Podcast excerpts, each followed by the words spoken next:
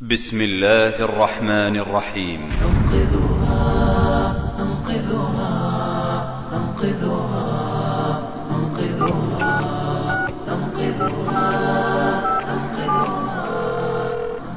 يا فتاة تعالي إلى الشهوات. تعالي يا حسناء. تعالي إلى اللذات. تعالي. هنا حب ووئام. هنا ود وغرام.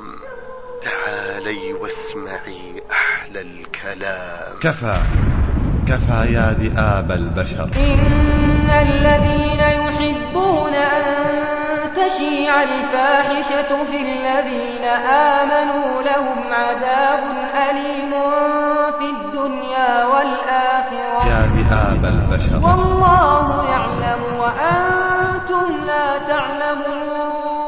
ذئاب البشر. يكيدون للمرأة ليل نهار. إنهم, إنهم باختصار يريدون يريدونها أن تتخلى عن أنوثتها الطاهرة. يريدون تصبح ألعوبة لشهواتهم يريدون دمية لأهوائهم. يريدون يريدونها أن تتمرد على حجابها. يريدون يريدونها أن تنتكس في حمأة الجاهلية ومستنقعاتها الآسنة. إلغاء دور الأسرة. يريدون مسخ الهوية الاجتماعية للأمة. يريدون إشاعة روح الانحلال والفساد. يريدون استنساخ المرأة الغربية في بلادنا لتنتشر ثقافة الإيدز والعري والشذوذ الجنسي.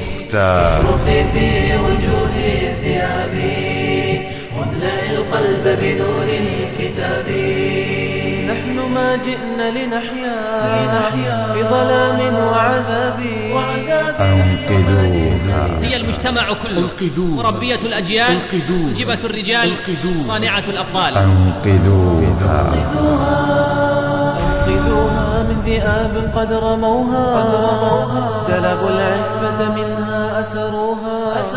صناعة لا الأجيال يمكن أن تتم بجهد الرجال وحدهم لا يمكن أن أبدا. نستغني عن دور المرأة وجهدها. والمرأة ولا شك جزء من طاقة هذه الأمة والنساء. شقائق الرجال. إن وضع المرأة يحتاج إلى تصحيح أكثر من غيره. هل تدرون لماذا؟ لأنها تقول إنني مررت بجانبه عدة مرات ولم ينتبه لي إني أريده أن يعطيني الرقم من قال ذلك. هذه طفلة طفلة. طفلة في الثالث الابتدائي. نطقت بمثل هذا الكلام. فماذا تفعل طالبة المتوسط والثانوي؟ فضلا ما يحصل في الكليات والجامعات. الله المستعان. يا أيها الذين آمنوا قوا أنفسكم وأهليكم نارا. أنقذوها.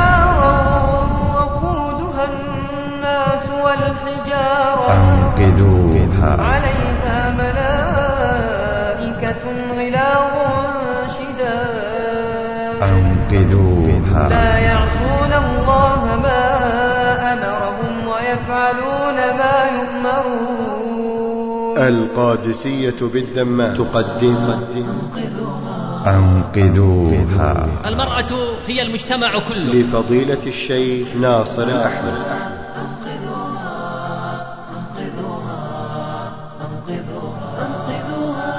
المرأة كيان يجب المحافظة عليه. من خلال تعليمها وتثقيفها وتربيتها تربية إسلامية فقوة الكيان وضعفه من خلال ما يقدم لها. المرأة هي المجتمع كله فهي الأم والزوجة والأخت والبنت وهي مربية الأجيال ومنجبة الرجال وصانعة الأبطال.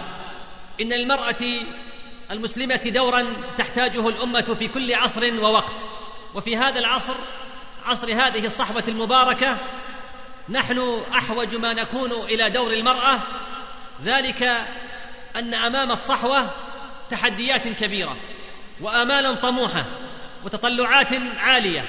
لا يمكن أن تتم بجهد الرجال وحدهم ولا يمكن أبدا أن نستغني عن دور المرأة وجهدها.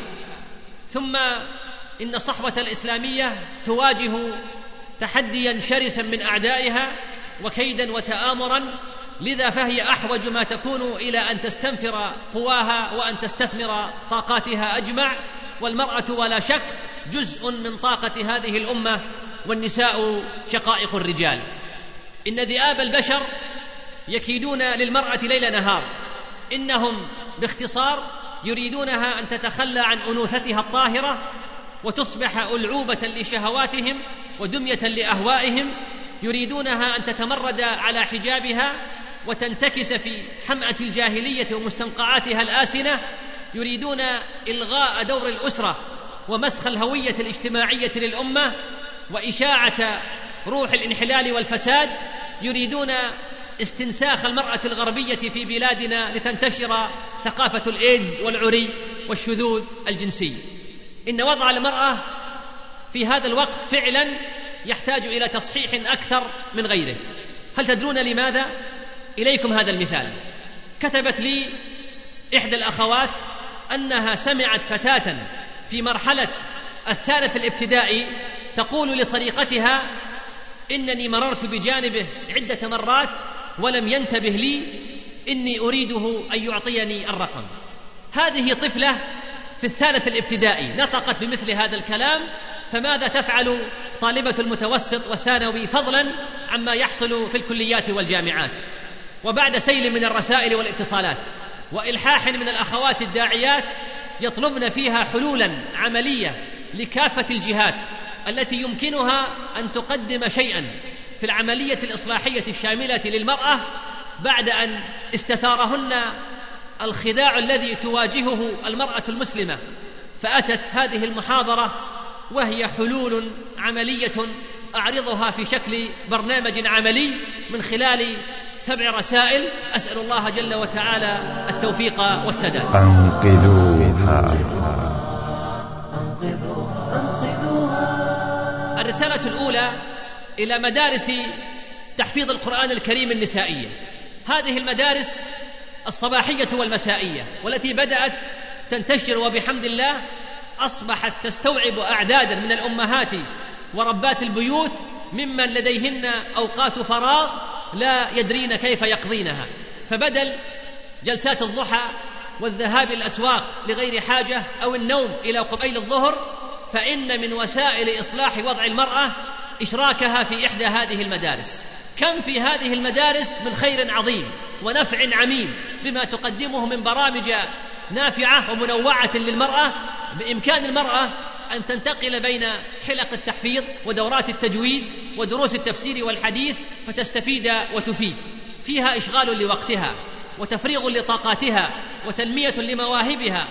كم من زوجة أو فتاة كان يظن زوجها أو أبوها أنها محدودة القدرات والمواهب. فلما التحقت بهذه المدارس المباركة وإذا بتلك المرأة أو الفتاة طاقات تتفجر ومواهب تتفتق في عدد من المجالات نفع الله بها وهدى على يديها أخوات من أقرانها. ألا فليحرص كل أب أو زوج أن يلحق زوجته وبنته في إحدى هذه المدارس المباركة. وعلى الأخوات القائمات على هذه المدارس ألا يغفلن الأمور التالية. اولا ضرورة العناية بالعلم الشرعي. فكثير ممن يحضرن في هذه المدارس ينقصهن الكثير من الأسس ويجهلن كثيرا من الواجبات. فيجب العناية بهذا الجانب من خلال تقديم الدروس العلمية بأسلوب سهل وواضح يناسب هذه الطبقة. إما عن طريق الأخوات القائمات على هذه المدارس إن كان لديهن القدرة على ذلك أو بالتنسيق مع أحد طلبة العلم في المنطقة ولو عن طريق الهاتف لسد هذا الجانب الضروري الهام. ثانيا التجديد فيما يعطى للأخوات والتفكير في تطوير ما يقدم لأن البرامج الروتينية قد تكسب الملل. فلا بأس من تقديم المادة مرة عن طريق درس ومرة عن طريق ندوة ومرة من خلال مسابقة ومرة عن طريق دورات وهكذا ولا ينسى الطبق الخيري ففيه خير كثير ونفع عظيم وفكرة استبدال شريط أغانم بشريط نافع فكرة رائدة ينبغي أن تتبناها معظم المدارس. ومن التجديد استضافة بعض المسلمات الغربيات للتحدث للأخوات مباشرة إن كن يحسن اللغة العربية أو عن طريق الترجمة لبيان تضليل دعاوى تحرير المرأة وكيف تعيش المرأة في الدول الغربية. ثالثا عدم الاقتصار على نساء البلد بل محاولة استقطاب أكبر عدد من الجاليات العربية فهن أخوات لنا لهن حق علينا فيجب الصبر عليهن في تعليمهن وتحفيظهن وتحمل أخطائهن وقصورهن ومحاولة تغيير عاداتهن التي تخالف الشرع بالأسلوب المناسب. رابعا أن يكون للمدرسة دور وتأثير في الحي ولا يقتصر دورها داخل أسوار المدرسة كأن يقام بين فترة وأخرى حفل لأهل الحي تحضره ربات البيوت ويعد له برنامج مناسب منوع من الترفيه والفائدة والهدايا وفي الفترة الثانية تكون الدعوة لحي آخر وهكذا. خامسا الدعاية الجذابة لهذه المدارس. انتشرت في الآونة الأخيرة ظاهرة وضع الدعايات من تحت أبواب المنازل كأن يكون لمطعم جديد أو سلعة جديدة أو شركات تنظيف أو غيرها فلماذا لا تقوم المدارس النسائية بطباعة ورقة جميلة جذابة على شكل دعاية للمدرسة تدعو فيها النساء للحضور والتعرف عليها من قرب مع ذكر بعض الأهداف والنشاطات الموجودة مع مخطط لموقع المدرسة ورقم الهاتف ثم تنشر هذه الورقة في الأحياء والبيوت ويكون فيها دعوة لربات البيوت للانضمام لهذه المدرسة ويكون مع ورقة الدعاية هدية إما كتيب أو شريط نافع كتب على المظروف هدية من أخواتك في مدرسة كذا.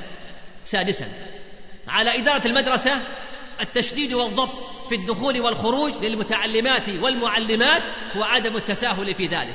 سابعا إعداد برنامج متكامل في أحد الأيام يبدأ من الصباح حتى العصر مثلا ويعد لهذا البرنامج منذ فترة إعدادا جيدا منوعا. ثامنا ضرورة وجود رياض الأطفال في المدارس النسائية ولو برسوم فإن هذا يساعد الأمهات كثيرا على الحضور والمواظبة ومثله إيجاد المواصلات. فكثير من النساء يرغبن في المشاركة لكن تبقى المواصلات هي العائق الوحيد. فلو فكرت إدارة المدرسة بإيجاد حل لهذا العائق لزاد عدد الدارسات. تاسعا. أن تضع إدارة كل مدرسة برنامجا عمليا لصناعة داعيات المستقبل ممن يتولين أمر هذه المدارس لأن الشكوى دائما تنصب على عدم وجود القيادات.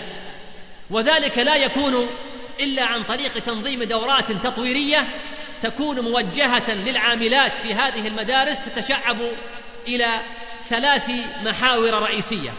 المحور الأول دورات شرعية.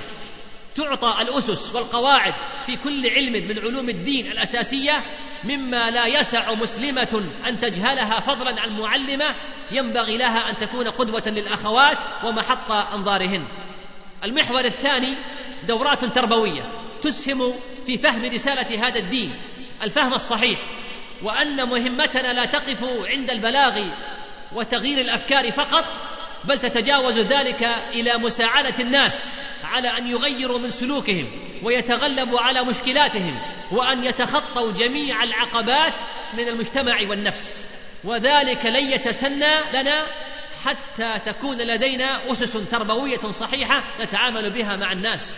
وسيرة النبي صلى الله عليه وسلم وكيفية تعامله هي المنهج للتربية والمنبع الذي لا ينضب. المحور الثالث دورات دعوية يتناول فيها مستجدات الساحة وما يجب علينا إدخاله وإدراجه ضمن مناهجنا الإسلامية وطرح الحلول لبعض مشكلاتنا الدعوية ووضع جداول زمنية لتوسيع نطاق الخطاب مع مختلف شرائح المجتمع ودراسة الأفكار والمقترحات الجديدة. ولمزيد من الفاعلية فإن هذه الدورات يجب ألا تكون عشوائية أو كلما سنحت الفرصة لإقامتها وإنما يجب أن تكون جميعها مدرجة.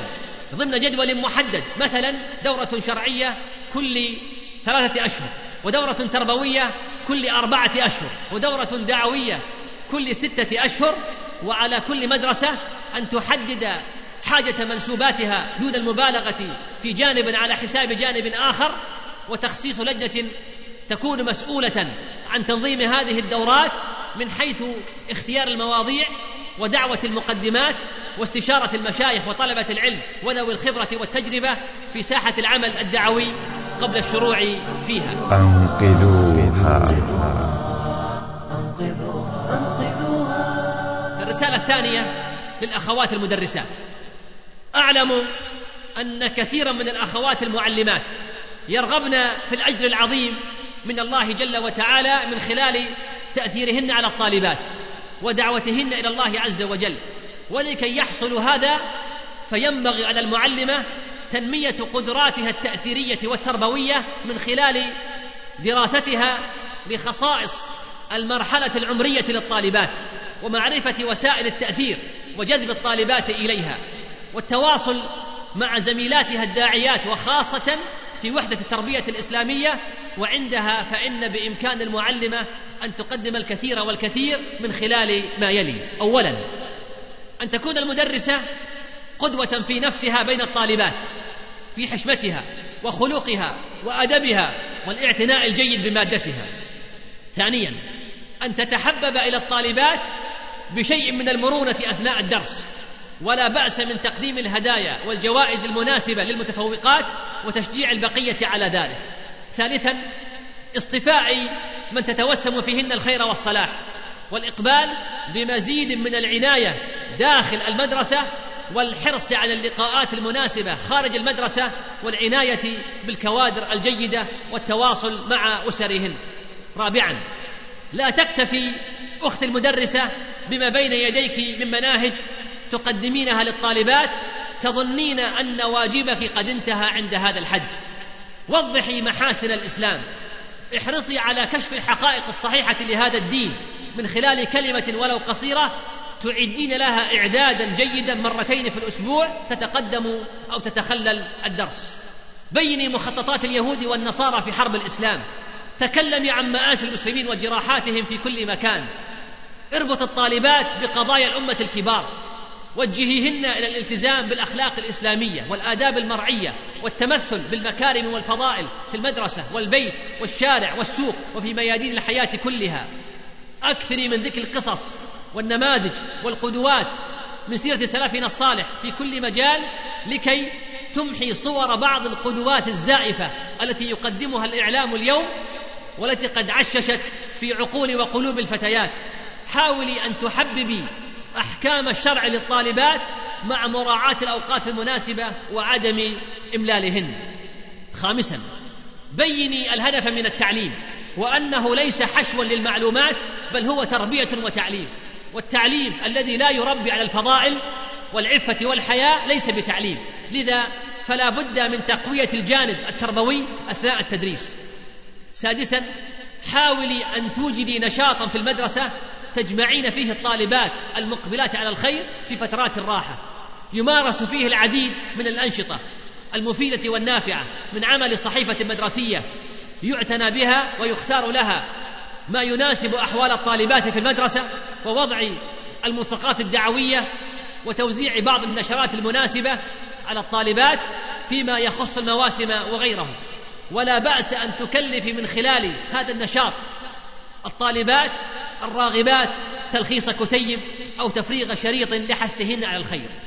سابعا ضرورة الاهتمام بالإذاعة المدرسية فإنها مهمة جدا ولو لثلاث دقائق من إلقاء كلمة على الطالبات أو قراءة بعض الفتاوى التي تناسب الطالبات لأحد العلماء الموثوقين في علمهم وأمانتهم إضافة إلى أن في الإذاعة تدريبا لبعض الطالبات على التحدث والإلقاء فهو تدريب عملي ناجح جدا. ثامنا التنسيق مع مكتب الدعوة لاستضافة المشايخ وطلاب العلم لإلقاء المحاضرات على الطالبات ولو مره في كل فصل دراسي ويفضل التنويع في المحاضرات بين دينية وطبية ونفسية وغيرها. تاسعا ضرورة وجود مصلى تقام فيه صلاة الظهر جماعة تدعى الطالبات إليه فالمصلى له دور كبير ويمكن من خلاله تقديم الكلمات ولو مرة في كل أسبوع لإحدى المدرسات المجيدات يتم الإعداد له وتهدف الكلمة إيصال رسالة معينة للطالبات. عاشرا لو رأيت أخت المدرسة امرا مشينا يتنافى مع الدين والخلق أثناء خروج الطالبات فلا تترددي في إبلاغ مكتب الهيئة بالطريقة المناسبة حتى يكون لهم تواجد بعد إعطائهم عنوان وموقع المدرسة. الحادي عشر هل فكرت أخت المدرسة أن يكون معك خمسون بطاقة تحتوي كل بطاقة على فائدة أو توجيه كتب بخط جميل تمررينها على الطالبات أحيانا لمدة خمس دقائق؟ يكون فيها توجيه غير مباشر للطالبات ويعطين الفرصة للتعليق وإبداء آرائهن. الثاني عشر لو كنت أخت المدرسة تستخدمين الحافلات التي تنقل الطالبات فمن المناسب أن توجدي مسجلا ولو يدويا تسمعين فيه شريطا للطالبات ينتقى بعناية منها ما يناسب جو الصباح والآخر يناسب جو ما بعد الظهر. الثالث عشر لا بد أن يكون لك دور ونشاط عام في المدرسة مع زميلاتك المدرسات بالنصح والتوجيه والإرشاد. استفيدي من حصص الفراغ بالجلوس معهن ولا مانع من انتقاء الأشرطة والمطويات المناسبة بين آونة وأخرى تهدينها لزميلاتك المدرسات فإن صلاحهن يرجى منه إن شاء الله تعالى صلاح من تحت أيديهن من الطالبات. أنقذوها. الرسالة الثالثة إلى المراكز الصيفية. المراكز الصيفية النسائية من كبريات النعم في هذا الوقت حيث الفراغ الطويل الذي تعيشه الفتيات في إجازة الصيف. فالمراكز من أهم القنوات التي تشغل فيها الفتاة الكبيرة والصغيرة بل حتى الأمهات ينبغي أن يكون لهن جناح في المركز وهذه بعض المقترحات. أولا إن الجمعيات النسائية التي أسهمت بل أدارت الحركة المشبوهة حركة تحرير المرأة وسعت أنشطتها ليصل خطابها إلى كل امرأة في المجتمع. فكان لديها أنصار من مختلف التخصصات والطبقات ليصلوا بالمرأة إلى ما وصلوا إليه الآن. ولذلك فإن حصر دور المراكز الإسلامية النسائية بأن تدور أنشطتها حول الأنشطة التلقينية واستعمال مهارة السماع فقط هو اختصار مخل لرسالة المركز الأصيلة العالية ولو أحصينا عدد المراكز. في كل منطقة مثلا ثم تلمسنا آثارها الإيجابية لوجدنا أن الآثار الملموسة في حياة الناس لا يتناسب أبدا مع عدد المراكز المتزايد في الأحياء وهذا يعني أن رسالتنا لم تصل بعد بالصورة الكافية. ثانيا إننا في مراكزنا النسائية نخاطب شريحة من النساء تريد أن تسمع وتريد أن تفهم وتريد أن تتعلم وبلغنا بحمد الله في ذلك شوطا طيبا.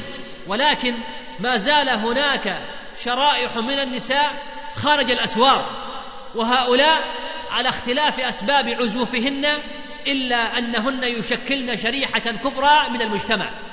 وطموحاتنا الدعوية لا تقف عند حد ذلك الصنف الأول بل إننا نريد أن نوسع نطاق الخطاب ليصل صوتنا إلى كل بيت وكل أخت في كل حي.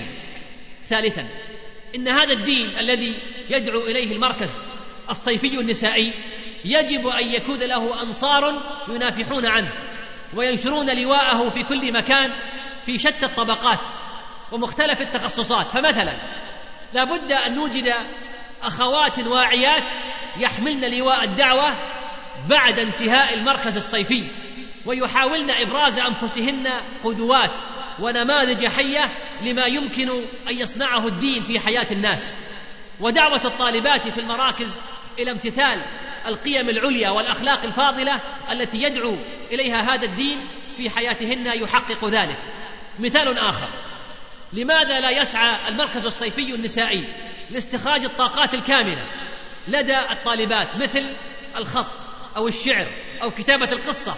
وأنا أجزم أن من الأخوات من هي صاحبة قلم لكن لم تكتشف بعد ولم تعطى الفرصة فدور المركز هو اكتشاف مثل هذه الطاقات. إننا بحاجة إلى كاتبات وأديبات يكتبن ادبا اسلاميا رفيعا يكفينا مؤونة البحث عن قصص إسلامية هادفة أو مجلة خالية من المنكرات ولعل من أنجع الأساليب في توسيع نطاق الدعوة وأنسبها للمرأة هي المشاركة الإعلامية في المجتمع في المجلات والجرائد والكتب والدوريات وذلك إعلاء لصوت الحق ليتسنى لكل فرد سماعه وليتعرف الناس على أنشطة المراكز الصيفية النسائية وأهدافها. وطرح تجاربنا في معايشة العصر لا سيما في تربية الأطفال والمراهقين. وخططنا لتربية هذا الجيل الناشئ فلماذا دائما تتوارى تجاربنا الناجحة وتقتصر على فئة محدودة من الناس؟ هناك مئات القلوب التائهة التي تبحث عن الحق بل مئات العقول الواعية التي لو فهمت الحقيقة لما ترددت في سلوك الدرب. رابعا اهتمام الأخوات المربيات في المراكز الصيفية ومن هن في خط المواجهة مع الطالبات بالبحث عن الحريصات على دينهن المتميزات في علمهن ممن يظهر عليهن سيما التنبه والنبوغ وتوجيه رسائل خاصة لهن أثناء الشرح والتفسير وبذل الجهود لاحتوائهن لا سيما إذا كن ممن يحضرن لأول مرة. ثم إيجاد برامج خاصة لهن تعطى فيها المواد بشكل مدروس وتختار فيها السور والأحاديث والمواضيع بشكل دقيق. ثم تكلف المربيات بمتابعة أحوالهن وتفقد حياتهن لا سيما خارج المركز. ومدى تقدمهن وتخطيهن العوائق والعقبات وتقديم النصح والتوجيه اللازم ليتكون لنا من مجموع ذلك شخصيات مؤهلة ملتزمة مربية.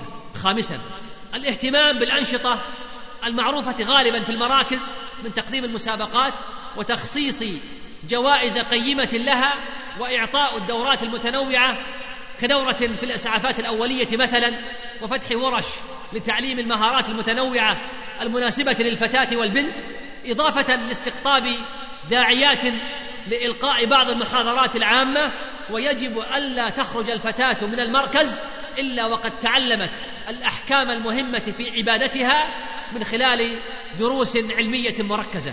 سادسا الحرص على إقامة المركز الصيفي النسائي في مقر واسع ذي مرافق مريحة متنوعة ولو بالإيجار فإن ذلك أدعى لاستمتاع الطالبات وترغيبهن في الحضور والمشاركة.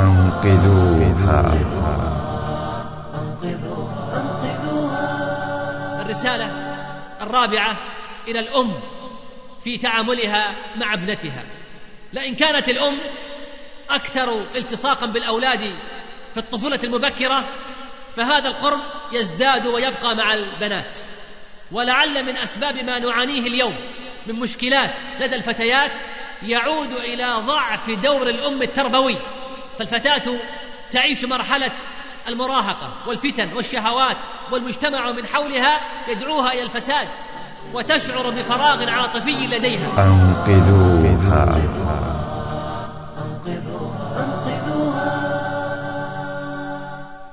وقد لا يشبع هذا الفراغ في كثير من الأحيان إلا في الأجواء المنحرفة.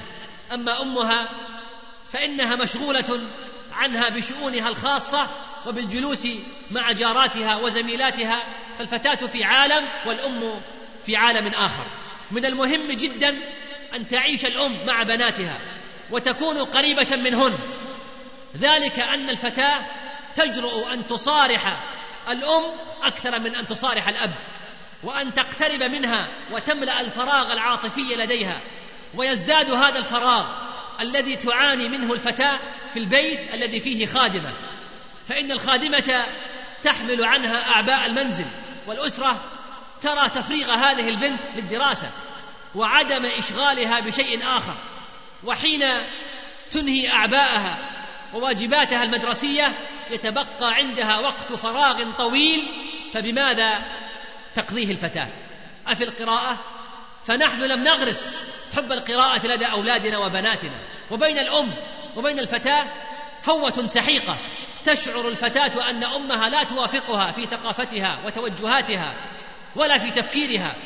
وتشعر بجفوة ثقافية وفجوة حضارية بينها وبين أمها. فتجد البنت ضالتها في مجلة تتحدث عن الأزياء. وعن تنظيم المنزل وتتحدث عن الحب والغرام وكيف تكسبين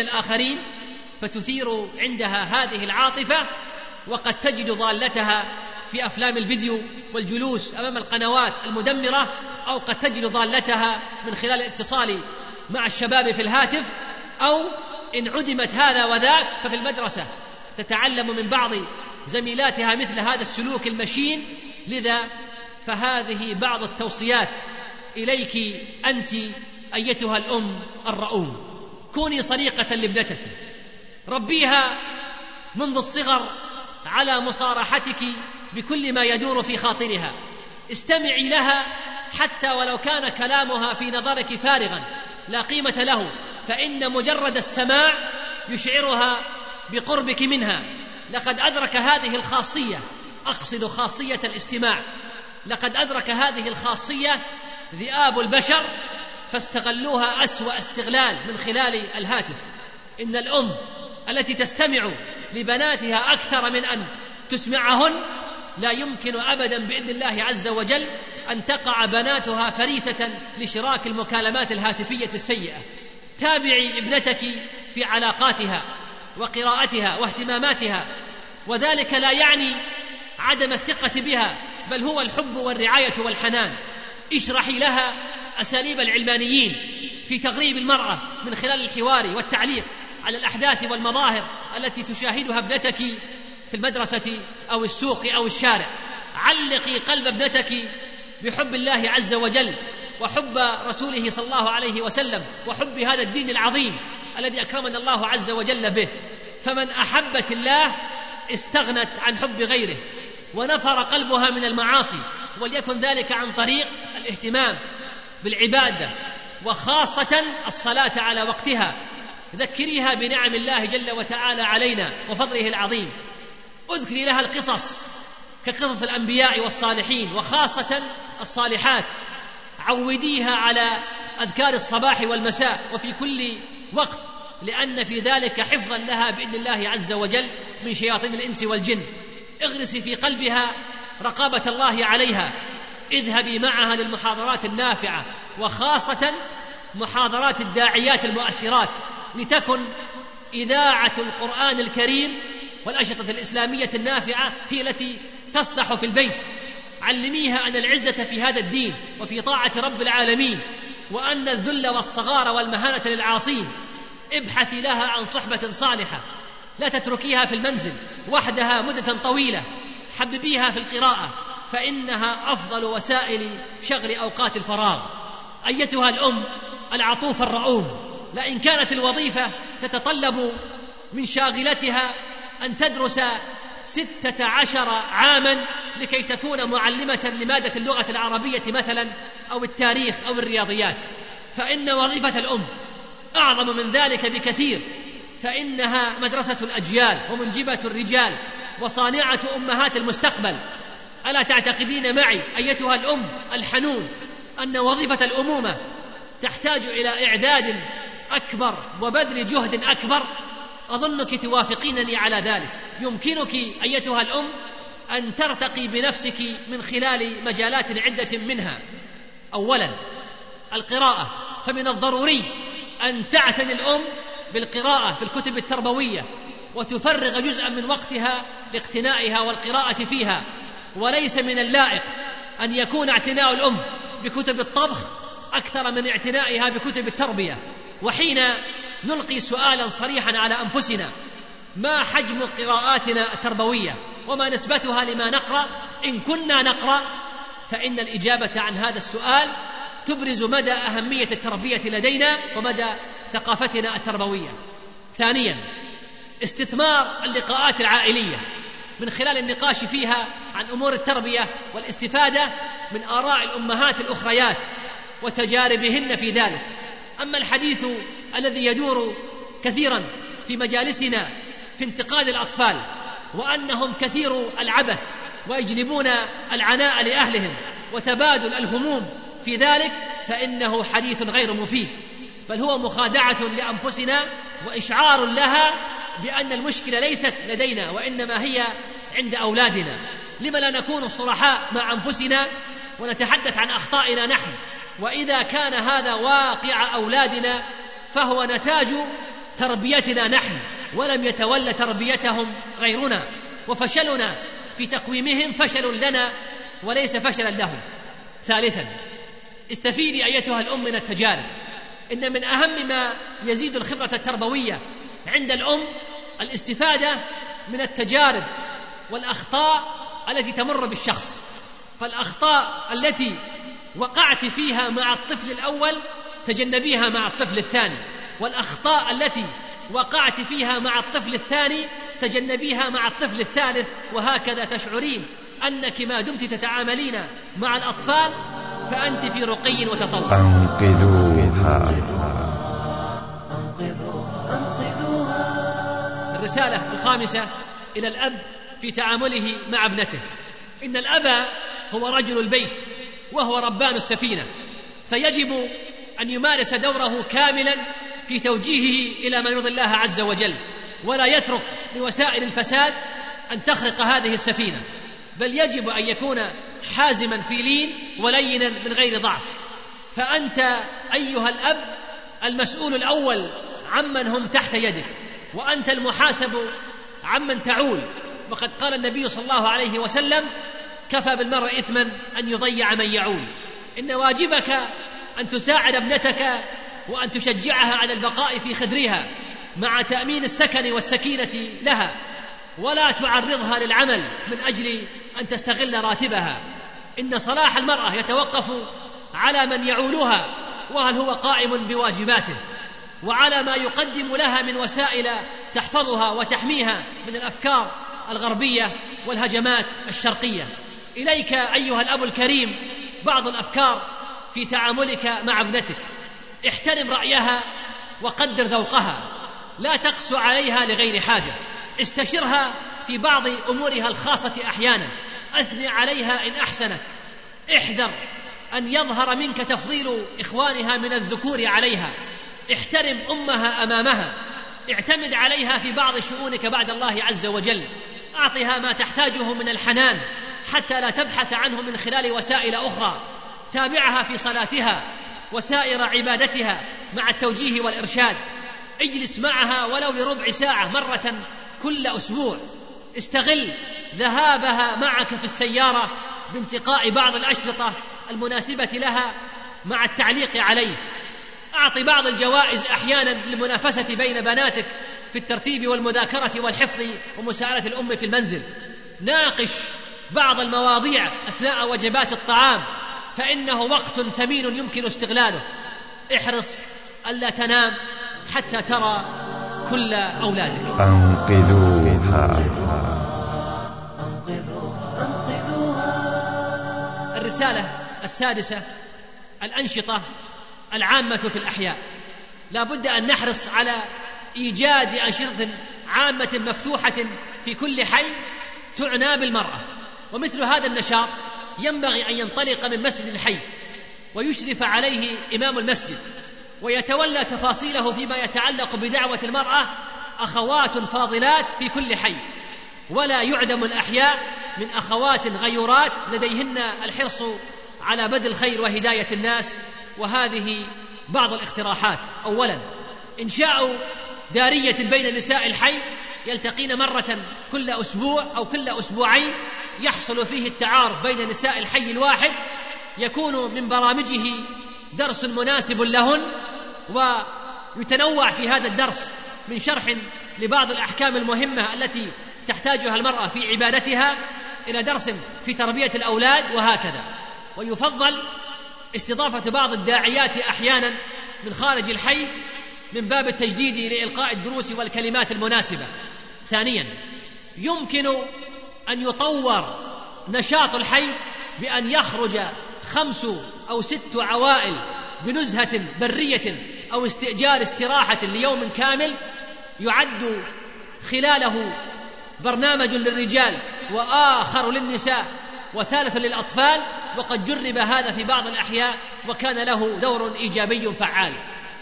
ثالثا إمام الحي له دور كبير في تحفيز أهل الحي لمثل هذه الاجتماعات واللقاءات والمساهمة المادية والمعنوية. فلو حصل جمع تبرع شهري ولو خمسون ريالا فقط من كل أسرة في الحي كأن يكون عن طريق دارية النساء مثلا لشراء الجديد من الأشرطة وتوزيعها على الأسر لكان هذا عملا طيبا. رابعا ينبغي لنشاط الحي النسوي أن يركز على ربات البيوت. ممن لم يكتب لهن حظ في التعليم. فليس ربات البيوت الغسيل والكي والطبخ فقط بل دورهن أعظم من ذلك. فينبغي الارتقاء بربات البيوت من خلال تقديم دورات مناسبة لهن وتوعيتهن في كيفية التعامل مع أعمار الأطفال المختلفة وتعويدهن على المواظبة على سماع إذاعة القرآن الكريم أثناء عملها اليومي. وحثهن على عدم ترك الأولاد للخادمات وإشعارهن بأنهن عناصر فعالة في المجتمع وهن كذلك وأنه يقع على كاهلهن الشيء الكثير. فلا يقل دور ربات البيوت عن دور أي امرأة عاملة فهي مربية الأجيال وأم الرجال فدورها عظيم ورسالتها كبيرة في غرس القيم والعقيده والتربية والتعليم بالحنان والعطف والحزم. والضبط وعدم ترك هذه المسؤولية للأم البديلة أقصد الخادمة. خامسا ومن أنشطة الحي نشاط الأطفال. فينبغي التركيز على حفظ القرآن من خلال إنشاء حلق في البيوت للبنات. تشرف عليهن إحدى الأخوات في الحي ومن خلال هذه الحلق يتم ربط حياتهن بالدين وتعويدهن على الأذكار بعد المحافظة على الصلاة ومتابعتهن في ذلك مع التركيز على قضايا الاعتقاد الأساسية مثل أركان الإسلام والإيمان والولاء والبراء ونواقض الإسلام العشرة ويفضل أن تربط الدروس بالقصص وخاصة قصص الصحابيات والصالحات وقصص القرآن الكريم والسيرة النبوية على صاحبها أفضل الصلاة وأتم التسليم. ويحسن أيضا تشجيع دور النشر لإصدار كتيبات وقصص خاصة بالأطفال تكون خالية من المحاذير الشرعية وتشجيع دور الإنتاج لإصدار أفلام هادفة تربي على الفضائل ويجب تربية الأطفال على مقاطعة المدن الترفيهية التي فيها موسيقى أو منكرات أخرى. سادسا لا يخلو الحي من بعض المثقفات وهؤلاء يمكن الاستفادة منهن في انشطه الحي.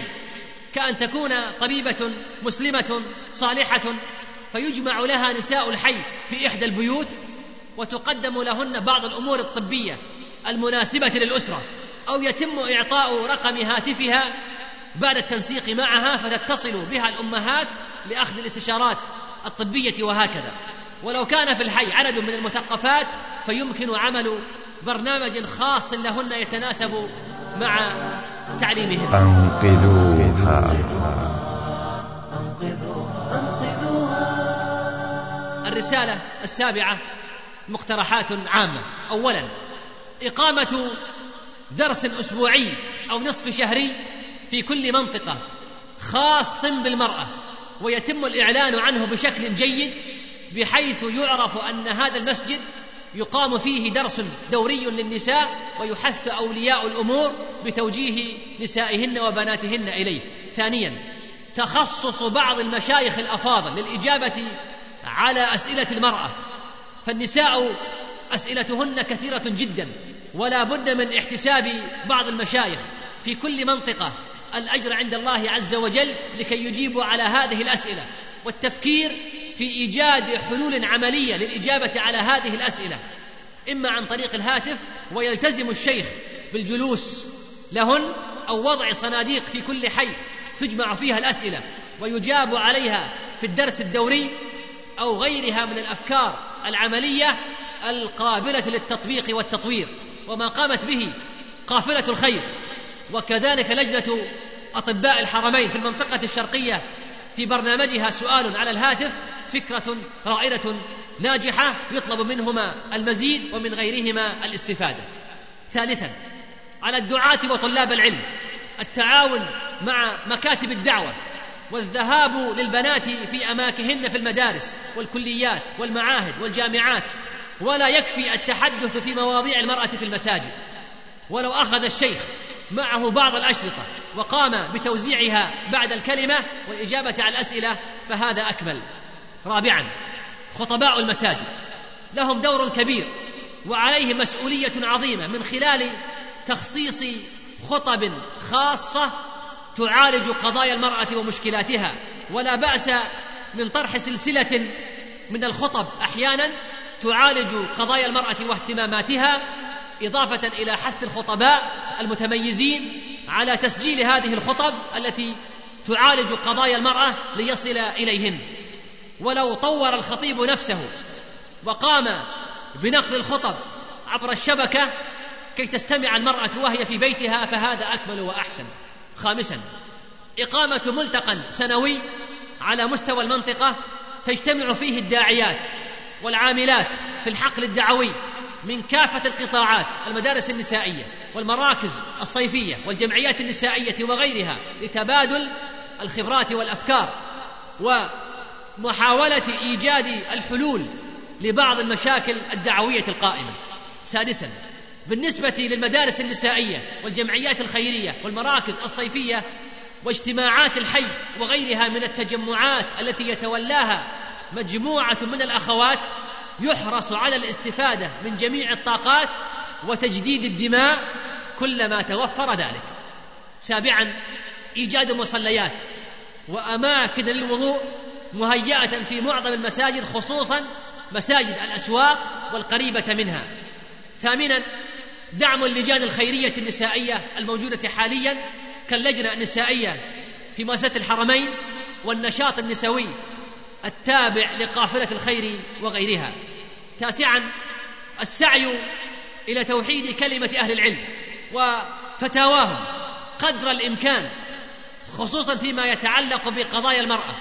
لإغلاق الباب أمام المنافقين الذين يستغلون بعض الآراء الفقهية المرجوحة.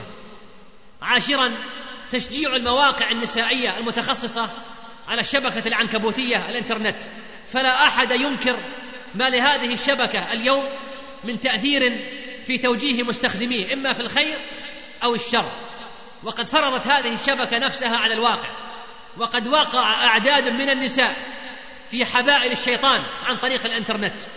إما بالدخول على المواقع السيئة ومواقع الفحش أو بالاتصال والمحادثة مع شباب متهور يصطاد في الماء العكر عن طريق غرف المحادثة. فكان لابد من تخليص المرأة من هذا المستنقع الآسن بإحكام الرقابة من ولي الأمر في المنزل بوضع الجهاز في مكان عام ينظر إليه الجميع ومنع الأجهزة الخاصة بالغرف. ثم إن هناك العديد من المواقع الجيدة والمتميزة للمرأة على هذه الشبكة فلماذا لا يستفاد منها؟ ولماذا لا توجه المرأة في قضاء بعض الوقت في تصفح هذه المواقع النافعة؟ وعلى سبيل المثال موقع لها أونلاين وموقع الدر المكنون وغيرها. الحادي عشر يندر من النساء من لا تتعامل مع أحد المشاغل النسائية لقضاء لوازمها أو لوازم بناتها. فينبغي السعي لإيجاد مؤسسات تعمل وتصمم الأزياء النسائية المتفقة مع الشرع كبديل إسلامي مع تذكير أصحاب المشاغل الموجودة حاليا بأن ما يحصل في الداخل من أمور محرمة كالنمص والتكشف أنه سيحاسب عليه يوم القيامة ولا ينفعه هذا المال المحرم. ولو وجد بعض الأخوات المحتسبات فيقمن بزيارة مثل هذه المشاغل ومتابعة ما يجرى في الداخل وتقديم النصح ففي هذا خير كثير. الثاني عشر اعاده النظر فيما يقال ويكتب للمرأة بما يتلائم مع الواقع والتحدث بلغة الأرقام وطرح ذلك بأسلوب اخال الثالث عشر كشف زيف الحضارة الغربية ووضعها أمام المرأة بصورة واقعية لا مبالغة فيها ولا زيادة بل بأقلام غربية ذاقت مرارة تلك الحضارة. الرابع عشر لا تنسى الأخوات السجينات ومن هن في مستشفيات الأمل من الدعوة والتوجيه الذي يناسبهن. الخامس عشر يجب أن يكون لك أختي المسلمة دور في الأمر بالمعروف والنهي عن المنكر عند ذهابك للسوق. تقولين كيف؟ إليك بعض الأفكار. إذا رأيت الفرصة مناسبة وقد رأيت امرأة متبرجة أو عليها أية مخالفة فبكلمة طيبة يمكنك أن تفعلي شيئا كثيرا. وأيضا لو حملت معك بعض الأشرطة والمطويات تضعينها في يد بعض النساء بعد تحية محببة لكان ذلك طيبا ونافعا. وأيضا يكون معك مجموعة بطاقات جميلة كتبت في كل بطاقة نصيحة أو توجيه مما يقع فيه النساء غالبا في الأسواق. فإذا ما رأيت امرأة على منكر أو خطأ فأهديها بطاقة تناسب حالها. السادس عشر أتركه لك يا أختاه تفكرين فيه فليس عقل المستمع بأقل من عقل المتحدث وفي الختام. أشكر جميع الأخوات اللاتي ساهمنا معي في تعبئة استبانة هذه المحاضرة بالمشاركة بإبداء آرائهن وتجاربهن فلهن مني الشكر والدعاء والحمد لله أولا وآخرا وظاهرا وباطنا وأصلي وأسلم على عبده ورسوله نبينا محمد وعلى آله وصحبه وسلم تسليما كثيرا. أنقذوها تم هذا العمل باستوديو القادسية مهندس الصوت أبو مصعب. أمنا أختنا بنتنا زوجنا. أمنا أختنا بنتنا زوجنا.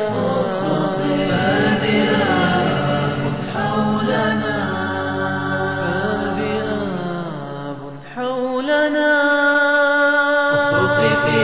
وجوه الذئاب واملأ القلب بنور الكتاب. اصرخي في وجوه الذئاب واملأ القلب بنور الكتاب.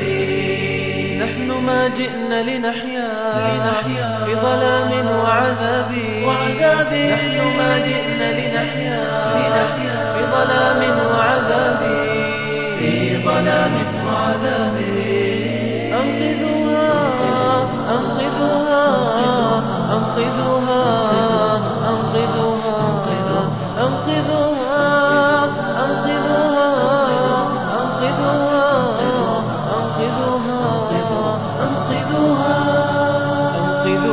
من ذئاب قد رموها سلبوا العفة منها أسروها أنقذوها من ذئاب قد رموها سلبوا العفة منها أسرها أنقذوها أنقذوها أنقذوها أنقذوها أنقذوها.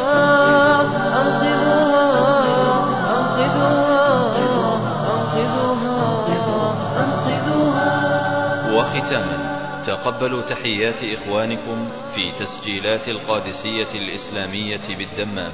ثمانية ثلاثة اثنان واحد واحد واحد صفر. وللعلم فإن جميع الحقوق محفوظة. وفي جميع التسجيلات الإسلامية. بسم الله الرحمن الرحيم. لا تلوموني على نصح لكم يا حماة الجيل يا أهل التربية. جيلنا بديننا وبدينكم. مثل غرس الزرع لازم نسقيه إخواني وأخواتي أطفالكم في حاجة ماسة لكم ولكل تعديل إيجابي في تربيتكم. كيف لا؟ وأنتم هبة الله الكبرى لهم وليس لهم بعد الله غيركم. هيا نبحر سويا في أعماق نفسية طفلكما. كل ما قلت له شيء قال لا لا. ويتمسك بهالكلمة بشكل مزعج. السيد لا. أمورك ما راح تمشي معاه إلا إذا تحايلتي على هالكلمة. كيف تتحايلين عليه؟ كيف؟ كيف؟ يما أنت تحبيني؟ يبا ليه ما تحبيني؟ تسمعون مثل هالكلمات. خطأ. تخيل الخطأ الكبير اللي يقع فيه الآباء والأمهات لما يقابلون هالتساؤلات القلقة بضحكة بايخة. ما تزيد الطفل إلا قلق لا قلق لا قلق. لابد لابد أن يعبر الوالدين عن حبهم له وبكل كرم. بالطرق اللفظية والحركية نتفنن استخدام كلمات المحبة. يبا. تعال يا وليدي يا بعد قلبي تعال أحضنك تعال أحطك في قلبي يا بعد عمري أنت أنت حبيبي أنت روحي أنت حياتي حياتي حياتي التربية بأعمالكم لا تطير الرياح العاتية. علموه بحلمكم وبعلمكم علموه بروح حب حانية. أساليب ترى خاطئة إذا ما قعدت عاقل بوديك الطبيب. ولا ها أجيب الإبرة. تعال يا القطوة. بياكلك الذيب لا ياخذك الحرام. انادي الشرطي أساليب خاطئة. اذا كنت كنت تريد تربية ابنك على الشجاعة على الصدق على الثقة في نفسه وفيك فابتعد عن هذه العبارات. أيها الآباء والأمهات. استخدام عبارات التخويف مع الابن لتعجيل استجابة الطفل تجعله جبانا ضعيفا. يتعلم الطفل منها الكذب لتحقيق منافع عاجلة. عمو انت حنن على عيالك يا ليتك أبونا يا ليتك وأنا بنتك. وأنا بنتك. إخواني وأخواتي لا تخلون عيالكم يتمنون آباء وأمهات غيركم. رجاء رجاء. علموه بروح حب تلوموني لا تلوموني لا تلوموني لابنك وبنتك تغيرات نفسية وسلوكية متوقعة تحدث بانتظام تغيرات متعاقبة مختلفة انتظرها واكتشفها وتفهمها وتقبلها وكيف أساليبك التربوية معها اسمع الأمثال واسمع للحكم تربية من طيب نفس عالية. اختار الأعمار يا من تهتم عدها من العاشرة للثانية. القادسية بالدمام. تصحبكم مع طفلة. طفلة. من الثانية إلى العاشرة. للأستاذ هاني بن علي بن العبد القادر. من العاشرة للثانية. آمل أن تساهم هذه المادة في تقليل مشكلاتكم وإسعاد أطفالكم. طفلة.